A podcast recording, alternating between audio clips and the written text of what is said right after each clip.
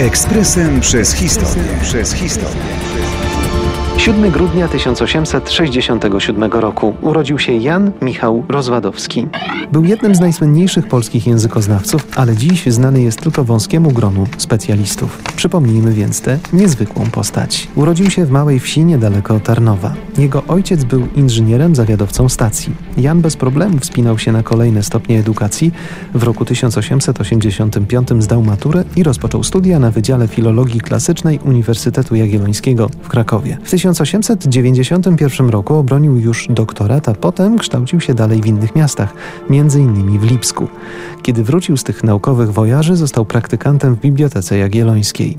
W 1899 roku mianowano go już profesorem nadzwyczajnym, prowadził także wykłady z języka polskiego i filologii słowiańskiej. Dwa lata pełnił też funkcję dziekana wydziału, kiedy jednak wybrano go na stanowisko rektora uczelni, zdecydowanie odmówił. Na przestrzeni lat udzielał się w przeróżnych towarzystwach naukowych, m.in. tworzył Instytut Naukowo-Badawczy Europy Wschodniej w Wilnie, a więc instytucję iście pionierską.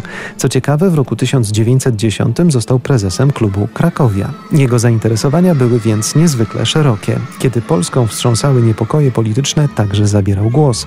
W roku 1930 podpisał się pod protestem grupy uczonych krakowskich w sprawie procesu brzeskiego. Do historii przeszedł jednak głównie jako naukowiec.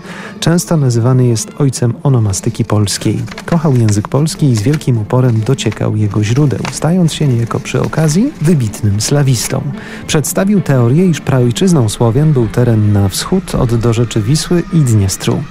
Dzień przed śmiercią w marcu 1935 roku wygłosił w Warszawie wykład pod tytułem Prawda życia. Serce zawiodło go w drodze powrotnej do Krakowa. Jan Michał Rozwadowski został pochowany na cmentarzu rakowickim w Krakowie.